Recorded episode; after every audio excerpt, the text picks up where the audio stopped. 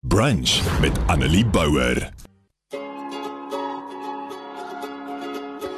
So as jy al 'n geruime tyd saam met my die pad stap en spreek lewe, weet jy dat ek baie keer goeters ook sal herhaal en weer sal sê, want baie keer dink ek is probeer ons so iets nuuts uitdink en probeer ons so uh, iets nuuts doen maar ons kyk nie noodwendig na dit wat ons reeds geleer het en dalk alweer vergeet het nie. So in 2020 het ek 'n stuk gedoen oor Jesus wat op uh, die water loop en uh, natuurlik Petrus wat dan nou uit die boot uit klim en ook op die water loop en ons het uh, hierdie gesprek gehad waar ek sê dat ons fokus so op die deel waar Petrus sink en amper verdrink uh en ons sê dat hy 'n klein gelowige was, dat ons vergeet van die begin van daardie verhaal, dat ons vergeet dat hy die enigste disipel is wat die geloof gehad het om uit die boot uit te klim.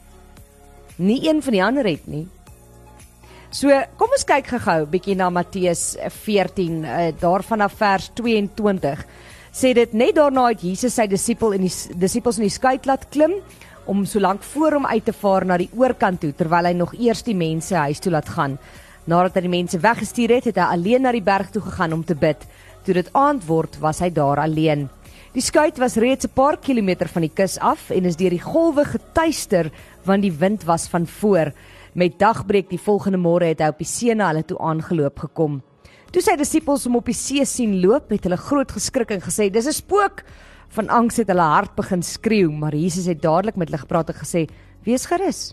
Dit is ek. Moenie bang wees nie." Toe sê Petrus vir hom: "Here, as dit regtig U is, beveel my om op die water na U toe te kom." "Kom," sê hy. Petrus het uit die skei geklim, op die water begin loop en naby Jesus gekom.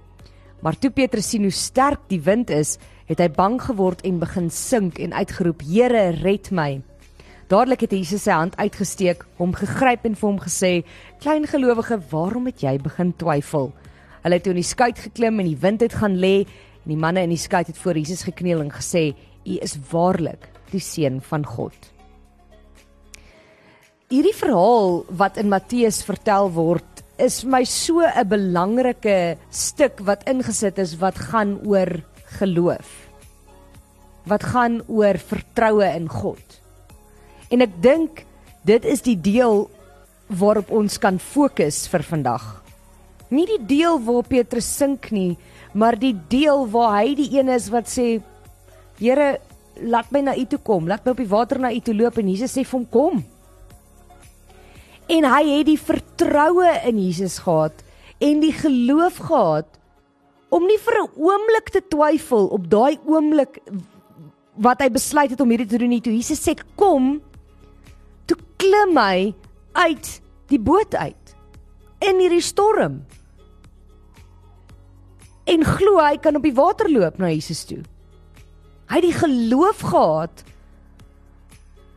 en die vertroue in God gehad om nie op daai oomblik bang te wees nie want hy kon Jesus sien, om nie op daai oomblik te twyfel of God en Jesus hom sal kan help om hierdie te doen nie nie in homself nie. Hy het nie self gesê, "O, ek is goed genoeg om hierdie te kan doen nie." Nee.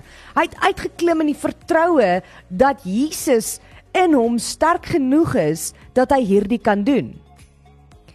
Die probleem het gekom dat halfpad op pad soontoe of naby aan Jesus het hy skielik om hom begin kyk.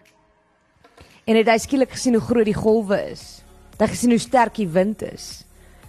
Nou ek dink myself in en ek het hierdie die vorige keer ook gesê ek kan myself net indink as jy nou hier in die see staan, wel is dit was die see van Galilea, dis nou nie soos 'n see see nie, maar die golwe is groot. Jy kan nie vir Jesus sien nie. Die water is in jou oë. Die wind waai so, jy kan nie Jesus se stem hoor nie. Dat jy begin dink, "O, oh, o, oh, ek's in die moeilikheid. Ek's alleen. Hier's ek nou." En ek wonder baie keer en en hierdie is net my eie dinge wat ek hier oor wonder. Ek wonder baie keer of hy regtig in Jesus getwyfel het en of hy in homself en sy eie geloof begin twyfel het. Want daar's 'n verskil. Om in jou eie geloof te begin twyfel, om te begin dink my geloof is nie sterk genoeg nie. Ek kan nie hierdie doen nie. Ek is nie goed genoeg nie. is baie anders as om te sê Jesus is nie sterk genoeg nie.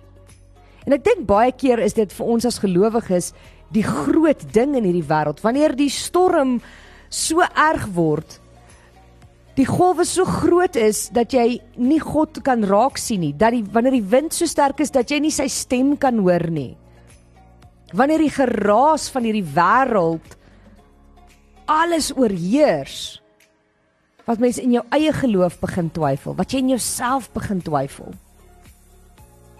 Maar dan moet jy onthou daai geloof wat jy gehad het om uit die boot uit te klim terwyl niemand anders doen nie. Nie een van die ander disippels het uit daai boot uitgeklim nie. So wie was die ware gelowige daar? Daai geloof is die geloof wat jy ook deur die storm gaan dra. En jy's net 'n mens. Soms gaan jy twyfel in jouself, in jou geloof, Soms gaan dit vir jou voel of jy alleen is, soms gaan jy nie die Here kan raak sien of die Here kan hoor nie. Want hierdie geraas is so erg. Maar dan, wanneer jy begin sink, wanneer jy begin twyfel, gaan Jesus en God jou nie los nie. Jesus het dadelik, hier staan, vers 31 sê, dadelik het Jesus sy hand uitgesteek. Daar staan nie Jesus het sy hand uitgesteek nie, daar staan dadelik het Jesus sy hand uitgesteek, hom gegryp en hom opgehelp.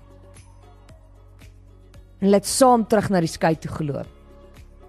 God is daar in daai storm selfs wanneer jy hom nie kan sien of hoor nie en wanneer jy nie meer kan nie. Jy as mens is wanneer hy oorneem. Dis wanneer hy dadelik jou hand gryp is wanneer hy dadelik saam jou stap. Hy oordeel jou nie en sê jy het getwyfel, verdrink nou man nie. Nee. Sy liefde en genade is groter as dit. Sy liefde vir jou en sy genade en sy verstaan van jou menswees is groter as jou omstandighede, is groter as jou twyfel. En daarom kan jy met vrymoedigheid uit die boot uitklim kan jy daai geloof wat jy het gebruik en daai stap vat en weet dat die Here daar is wanneer jy val. Want ja, jy gaan moontlik iewers val. Jy's net 'n mens. Jy's nie God nie. God is in jou. En dis wanneer hy oorneem, is wanneer jy val en wanneer jy nie meer kan nie. Is wanneer die krag van God tot werking kom. So moenie bekommerd wees as jy iets opreg bedoel en 'n geloofstap neem en dan later uitvind dat dit verkeerd was of dat jy dit nie kon voltooi nie of dat jy begin twyfel het of dat jy geval en gestruikel en geval het nie God kan enige fout wat ons in opregtheid en geloof maak regstel. Enige gelowige alle gelowiges het al foute in geloof gemaak. As jy met 'n opregte hart en volgens die woord optree, volgens jou insig, gaan die Here jou nie in die steek laat nie. Vra hom wel vir sy leiding. Vra hom wel dat jy sy stem kan hoor. Vra hom wel om saam met jou daar te wees dat wanneer jy val, hy sal oorvat. Wanneer jy moeg is, wanneer jy begin twyfel. Die Here het dit gedoen die nag toe Petrus in die middel van die see in geloof uit die boot geklim het na Jesus toe gestap het en toe die golwe en die geraas te groot word begin twyfel het, dadelik sy hand uitgesteek en hom gegryp. En gesê jy's nie alleen nie, ek's hier. Kom ek stap saam jou. Kom ek vat jou terug na die boot toe. Ons begin weer. Dit is wat geloof is. Geloof om uit die boot uit te klim terwyl niemand anders doen nie en te weet jy's net 'n mens en te weet jy gaan foute maak en te weet jy gaan dalk struikel en val maar God in jou is sterker as wat jy is. God in jou maak jou geloof sterker en God sal dadelik jou hand gryp en jou ophelp. Annelie Bouwer weekoggend tussen 9 en 12 op Groot FM 90.5